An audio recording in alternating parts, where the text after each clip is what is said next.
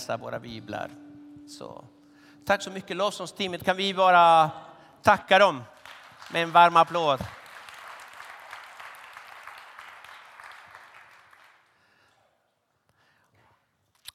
Ja, eh, mitt namn är Jorge Moreno, kallas Jorge här i kyrkan och tillsammans med min fru Rosa.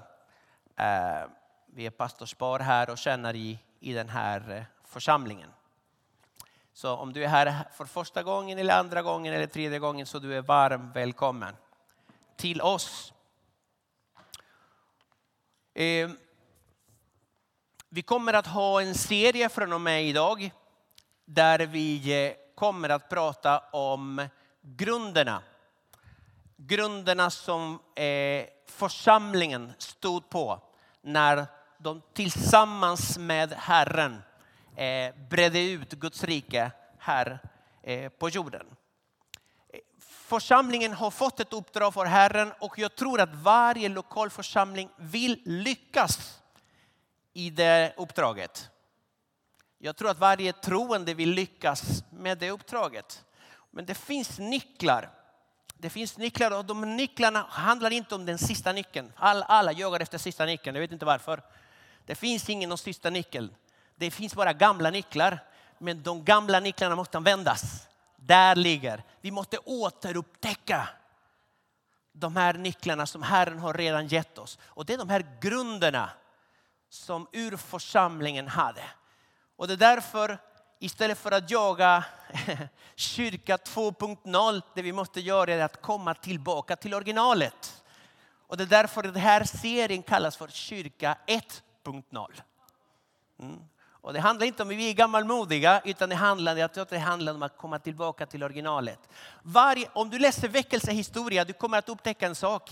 Att alla dessa rörelser ville gå tillbaka till originalet.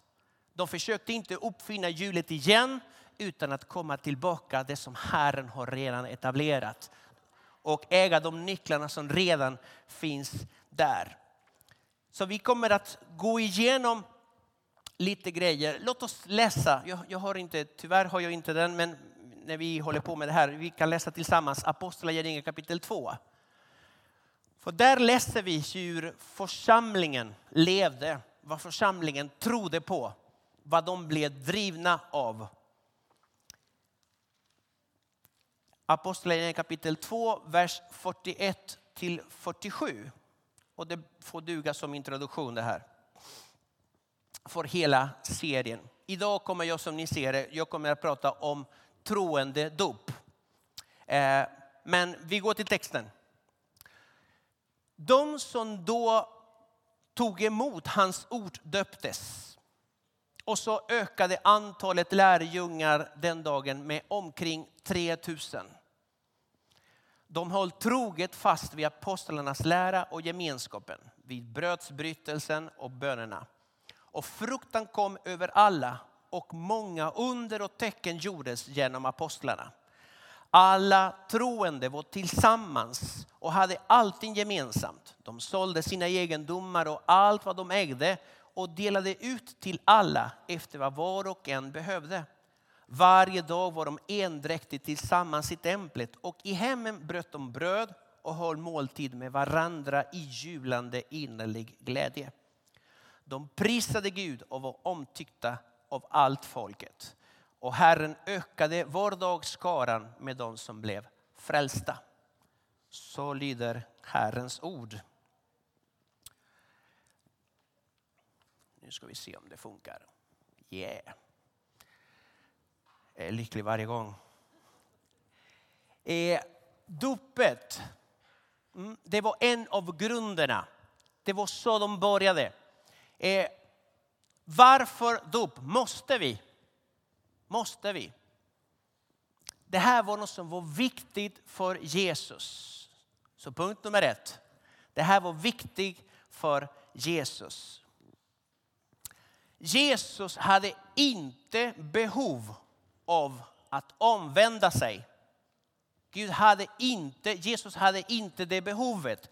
Ändå gjorde han det. Jesus är Guds son och Guds gåva till hela mänskligheten. Han är det fullkomliga, det fullkomliga lammet. Det han är Guds lamm som skulle offras för att befria alla människor. Om du håller med säger du amen. Om du håller inte med säger du nämen. Eh, det centrala i budskapet som Johannes döparen hade, det var att vända om, omvändelse. Vänd om till Gud. Gud hade varit tyst i 400 år och helt plötsligt dyker upp en profet, Johannes döparen. Och han talar om att vända om. Och hela tiden, allt det han sa pekade på en enda människa. Och det var inte sig själv, utan han som skulle komma efter honom. Han pekade hela tiden på Jesus. Omvänd er, Guds rike eller himmelriket är nära. Han sa så här i Matteus kapitel 3 och vers 11. Jag döper er i vatten till omvändelse, men den som kommer efter mig är starkare än jag. Jag är inte ens värd att ta av honom hans sandaler. Han ska döpa er i den helige ande och eld. Så han pekade hela tiden på Jesus. Så Jesus behövde varken frälsning, omvändelserna eller syndernas förlåtelse. Varför i all sin dag gjorde han det? Mm. Eh, Johannes döparen identifierar Jesus som han som skulle komma. Han är Israels hopp. Och han säger i Johannes 1 och 29 så här. Nästa dag så kan Jesus komma och han sa, se Guds lamm som tar bort världens synd. Så eh, inte bara Jesus behövde inte det, utan Johannes döparen är helt medveten om att Jesus inte behövde det. Han behövde inte det dop han utförde för alla andra. Och nu kommer vi liksom till det här fantastiska, fantastiska mötet vid Jordanfloden. Där Jesus kommer till honom för att bli döpt och Johannes döparen känner nej, nej, nej, nej, det här är helt fel. Så ska det inte göras. Du är världens frälsare. Du är Guds lamm. Varför gjorde Jesus detta? Det är för att Jesus ville ge oss ett exempel. Jesus är inte en ledare som många andra som säger till andra vilken väg de ska följa. Pekar på vägen. Så här ska ni göra. Titta, titta. Gå den vägen.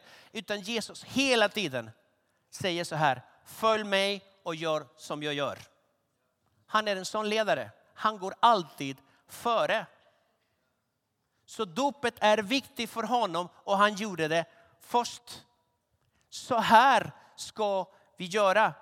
Han är medveten om sin roll som, som ett exempel och som föredöme.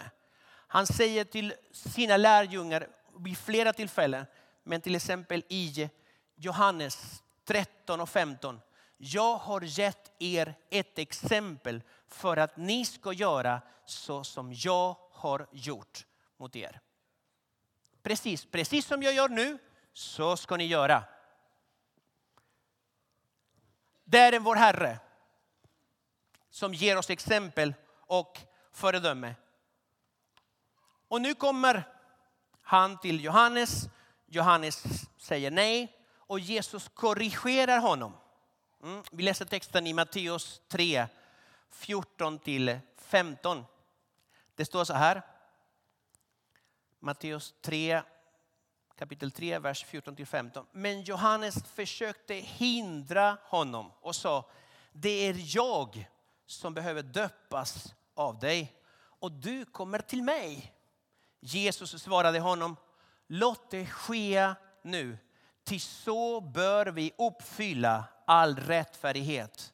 Då lät han det ske. När Jesus blir döpt, händer det någonting. Himlen öppnas. Och Johannes döparen är den enda levande människa som har fått se Gud i hela sin helhet. För han tar i Jesus när han döper honom. Han rör vid honom. Han ser med sina ögon den helige ande komma över honom och han hör Faderns röst från himlen som säger det här är min son i vilken jag har min glädje, mitt behag. Och det är detta som sker också även i dopet. Dopet är inte bara en bekräftelse på min tro. Ja, jag bekräftar min tro genom dopet. Församlingen bekräftar också genom att döpa.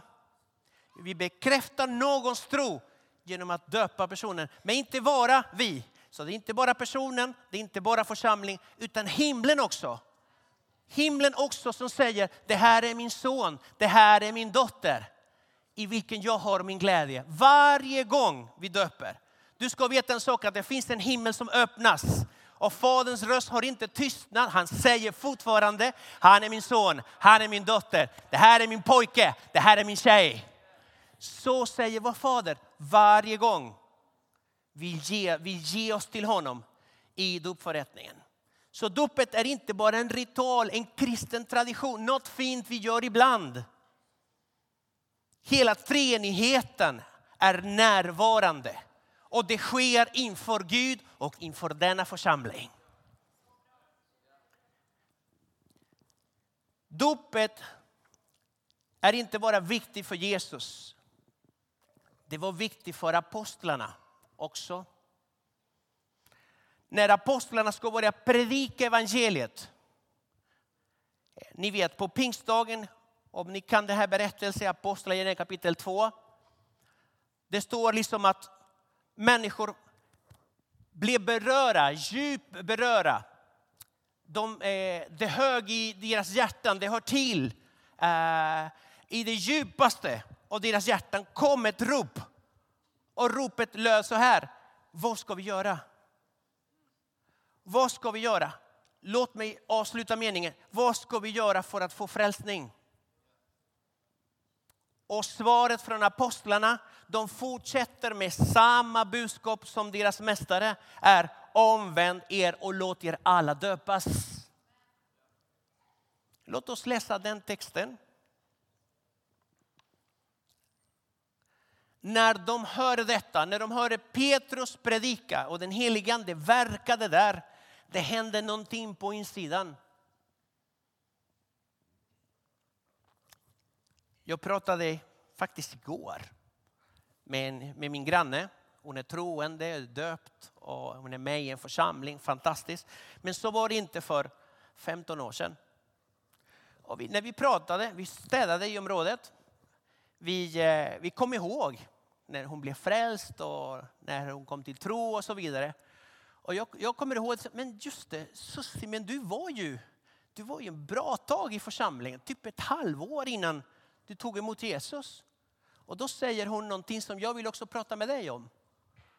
Hon sa så här, det verkade som att hela tiden under ett halvår, varje söndag, jag hörde inte när man gjorde frälsningsinbjudan. Vad säger du? Ja, jag har inte hört det. Men vi, det gjorde vi varenda söndag. Jag vet inte vad som hände, men det var som att det fanns inte. Och det är därför jag säger till dig idag, om du är här och du inte har varit med länge här men inte har hört det. Jag upprepar mig. Du behöver ta emot Jesus i ditt hjärta för att bli frälst. Du behöver det. Och du kan göra det idag. Idag kan du ta emot Jesus som din Herre och Frälsare. Nu är det sagt. Ja, men ibland kan man liksom, men vet du vad, ibland liksom, ja, hon sa så här, jag vet, det var som att man var blind, jag såg det inte, jag hörde det inte.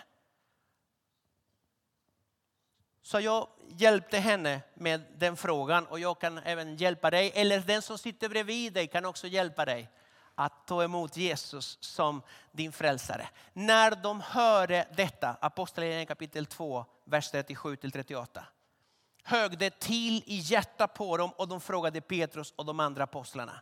Bröder, vad ska vi göra? Petrus svarade utan att tveka, omvänd er och låt er alla döpas i Jesu Kristi namn så att era synder blir förlåtna. Då ska ni få den helige ande som gåva. Så de fortsatte. Apostlarna gjorde inget annat än att fortsätta med det budskapet de hade fått från Herren. Med det exemplet de hade fått från Herren.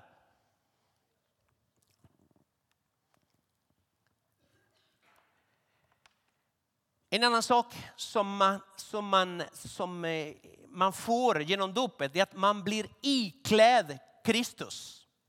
Så står det i Galaterbrevet kapitel 3 och vers 27. Alla ni som har blivit döpta till Kristus har blivit iklädda Kristus. Att bli iklädd, det är att man får något, man blir beklädd. Man får något över sig, man får någonting över sitt liv. Och jag brukar kalla det för kallelsens och efterföljelsens mantel. Det är det man får. Och det är genom att jag responderar till Jesu kallelse. När han säger följ mig, jag säger amen, jag vill det. Jag vill följa dig. I det där jag vill följa dig genom dopet, det finns en efterföljelsesmantel som läggs på mig. Manteln representerade i gamla testamentet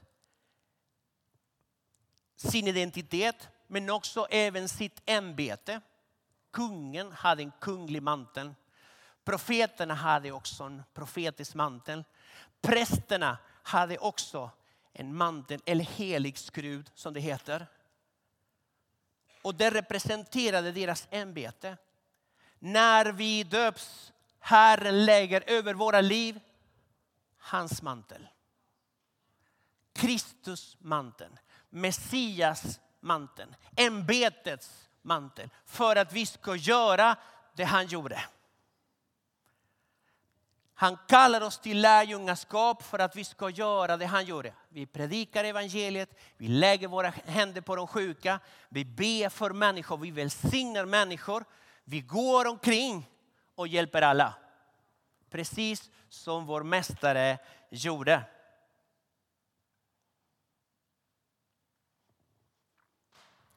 Det enda vi ser att Jesus gjorde hela tiden när han pratade med människor var följ mig. Stannar vid någon och säger följ mig, följ mig. Och det vi ser till exempel apostlarnas respons var och de lämnade allt genast och följde honom. Deras liv förändrades när de började den vandringen. Deras liv skulle aldrig mer bli detsamma. Och den inbjudan ljuder än idag. Varje gång hans ord predikas, det finns en inbjudan från honom till var och en av oss. Det spelar ingen roll vilket sammanhang man kommer ifrån, vilken bakgrund, vad man heter, vilket land, man, vilket språk man pratar. Det spelar ingen roll. Det ljuder fortfarande och han säger så här till dig och mig. Följ mig. Och när vi säger ja, jag förstår att du är Messias, jag förstår att du är världens frälsare, jag förstår och jag vill följa dig. Då kommer våra liv att förändras. Då kommer våra liv att förändras.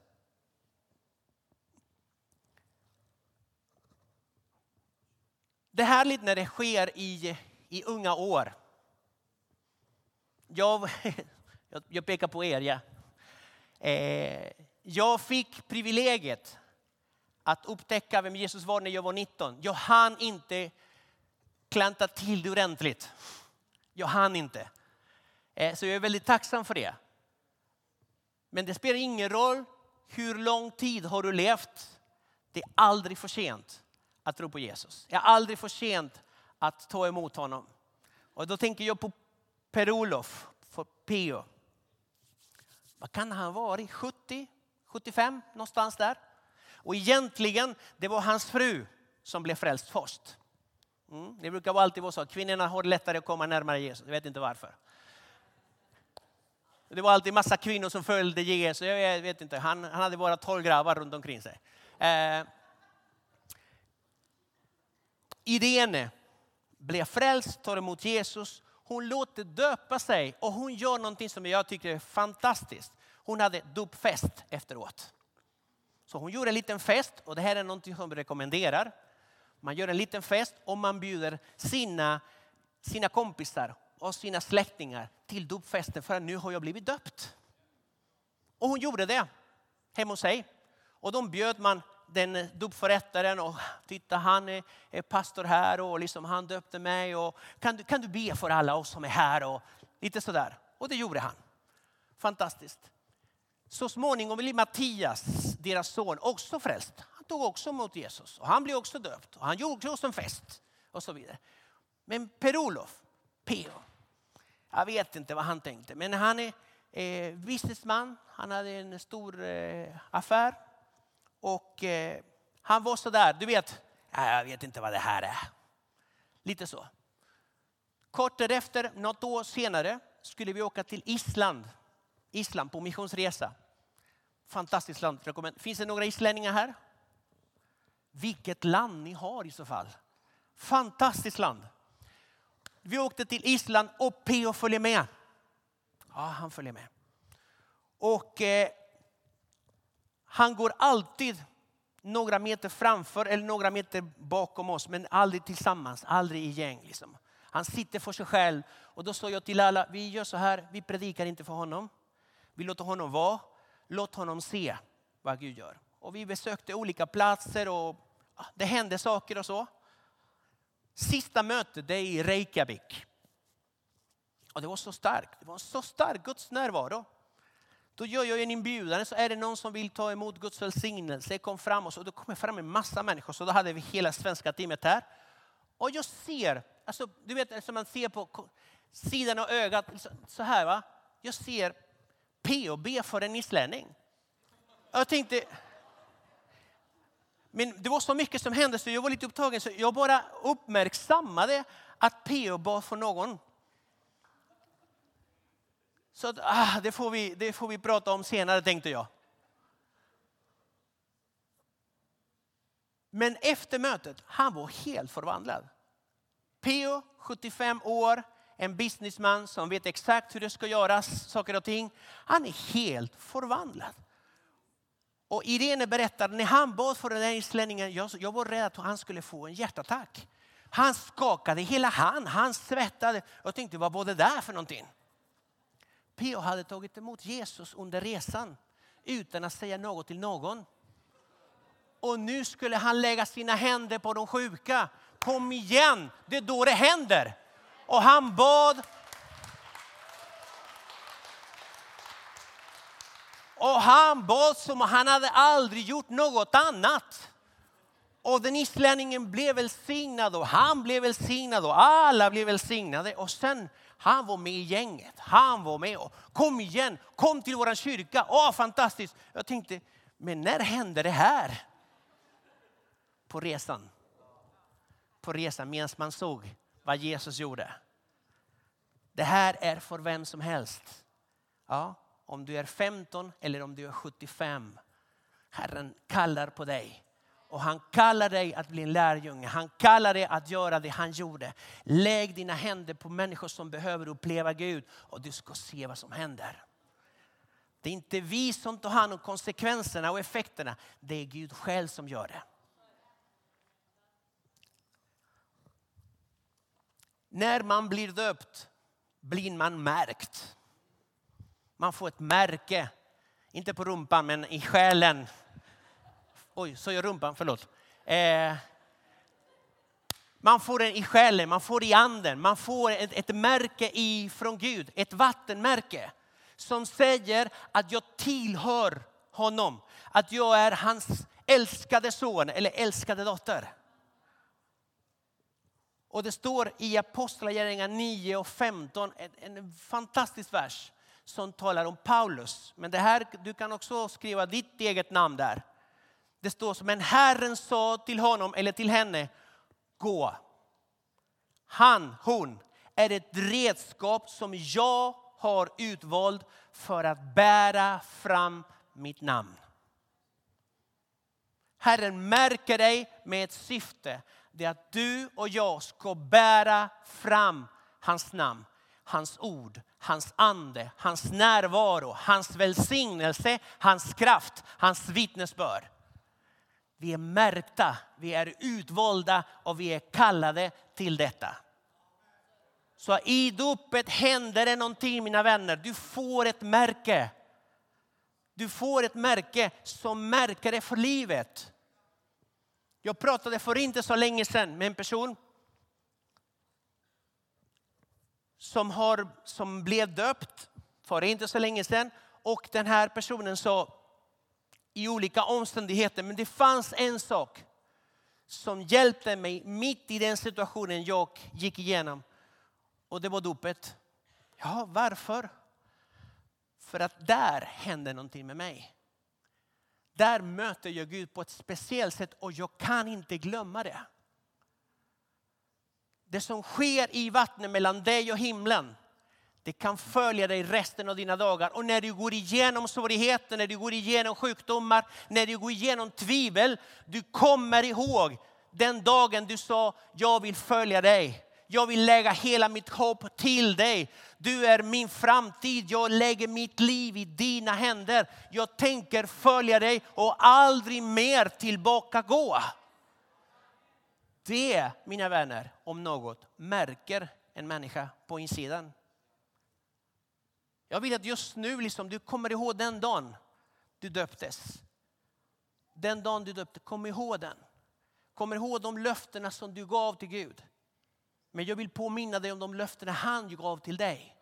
För att även om vi är inte trofasta, han är trofast. Även om du är svag, han är stark. Även om du glömmer, han glömmer inte. Det som sker där mina vänner, det är ett förbund. Det är ett förbund. Han kan inte glömma det han har lovat dig. Han tar inte tillbaka. Säger han att du är min son, du är min dotter. Han tar inte tillbaka det, även om man klantar till sig ibland. Det sitter i sinnet, det sitter i hjärtat, det sitter i själen. Det sitter där det sitter.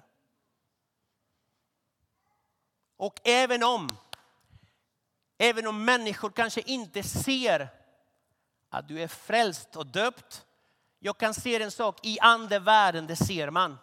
Det märke, det vattenmärket syns. Änglarna ser det, vem du tillhör. Demonerna också.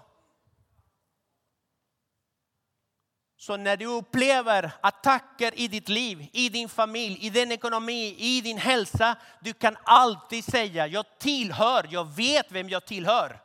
Jag tillhör Jesus. Jag är hans egendom, jag är hans son, jag är hans dotter. Kom inte i närheten av mig. Du tillhör Herren. Vi ligger bra till.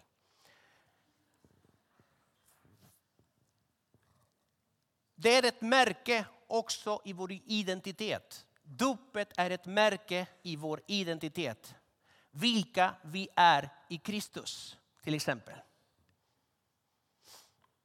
Alltså om någon är i Kristus är han en ny skapelse. Det gamla är förbi, se det nya har kommit.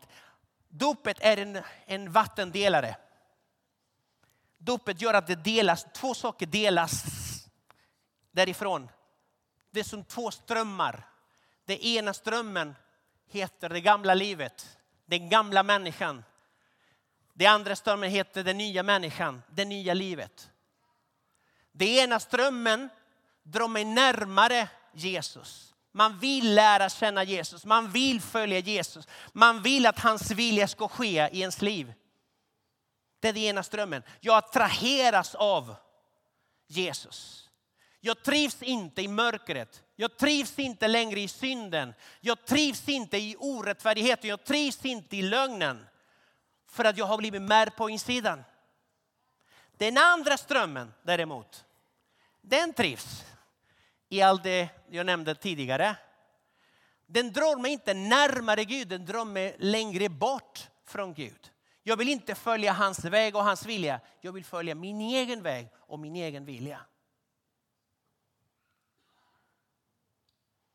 Vilka vi är i Kristus. Vad vi har i Kristus. Herren har gett oss löften. Många löften, tusentals löften. Någon har tagit sig tid att räkna dem och säger att det är 3300. Vet inte riktigt, jag har inte gjort det. Men det låter så många. Det finns löften för varje dag i våra liv. Vad vi än möter, det finns flera löften som garanterar Guds ingripande. Det är vad vi har. Den helige ande är i dig. Hans uppmärksamhet är hela tiden riktad mot dig. Det är vad du har i Kristus. Sen, en annan sak. Vem Kristus är i oss. Kristus är vår segerbaner. Kristus är vår seger. Hans namn blir ärad genom oss. Och han vill att andra människor ska komma i kontakt med honom genom dig. Vem Kristus är i oss. Men i allt detta vinner vi en överväldigande seger genom honom. Inte vår kraft som har älskat oss. Och sen vad Gud vill med var och en av oss, hans vilja. Du är märkt för att hans vilja ska ske. Sök först hans vilja, hans rike och allt det andra. Det ska tillfalla dig.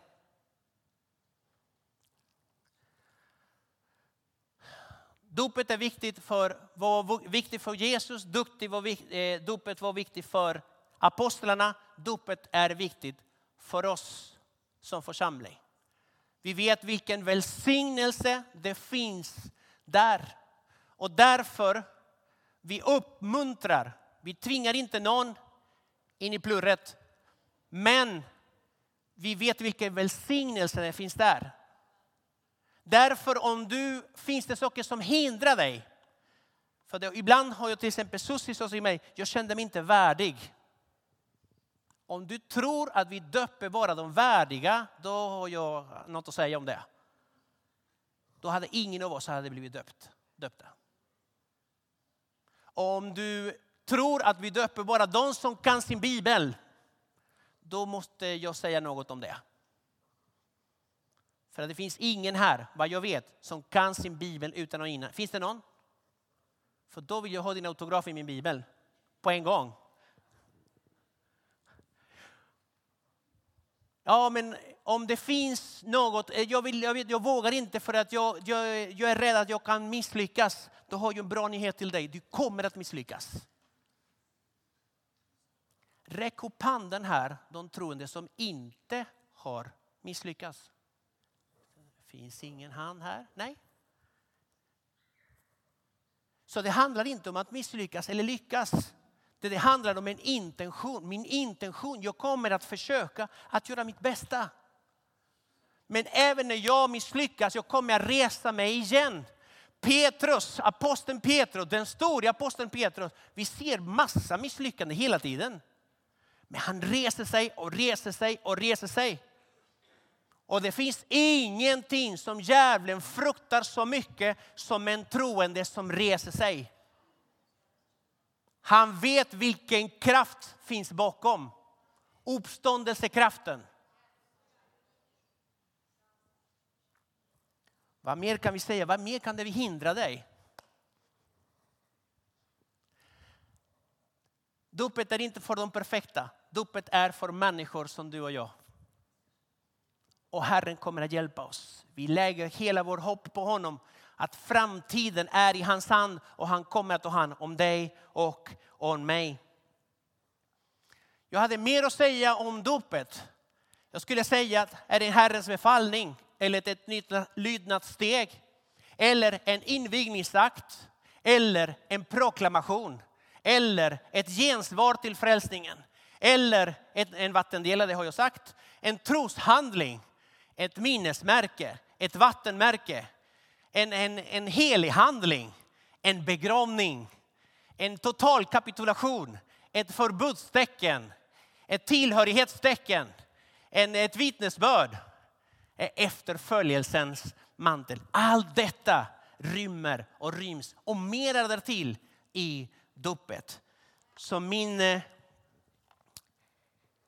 min enkla utmaningen idag är för dig som är inte döpt. Ta steget. Ta steget. Herren kommer att bära dig.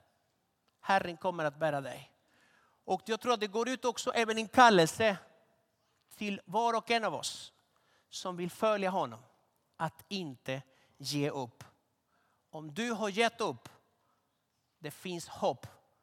Det finns hopp. Det finns en Gud som sträcker ut sin hand och bara vill lyfta dig och sätta dina, dina fötter på klippan ännu en gång och som säger kom igen min grabb, kom igen min tjej.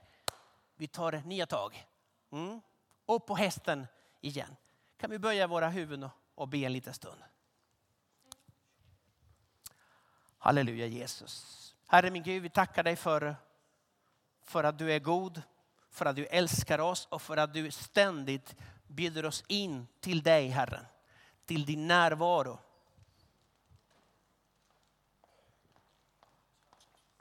Herre Jesus, vi, eh, vi tackar dig Herren för att du säger till var och en av oss att, att följa dig. Att följa dig. Tack min Gud för att det, det, det gör vi inte på egna, egna meriter. Det är inte med vår egen kraft vi ska göra det. Utan det är med din hjälp, med din nåd och med din helige Ande. Välsigna var och en av oss här. Och hjälp oss med Gud. Hjälp oss med Gud att allt det vi gör, att vi ger dig all ära till dig. Du är vår frälsare och du är vår Herre. Amen. Dopet förvandlar oss till en grad att han gör oss från troende till lärjungar. Vår syn på Gud går från att han är vår frälsare till att han är vår Herre.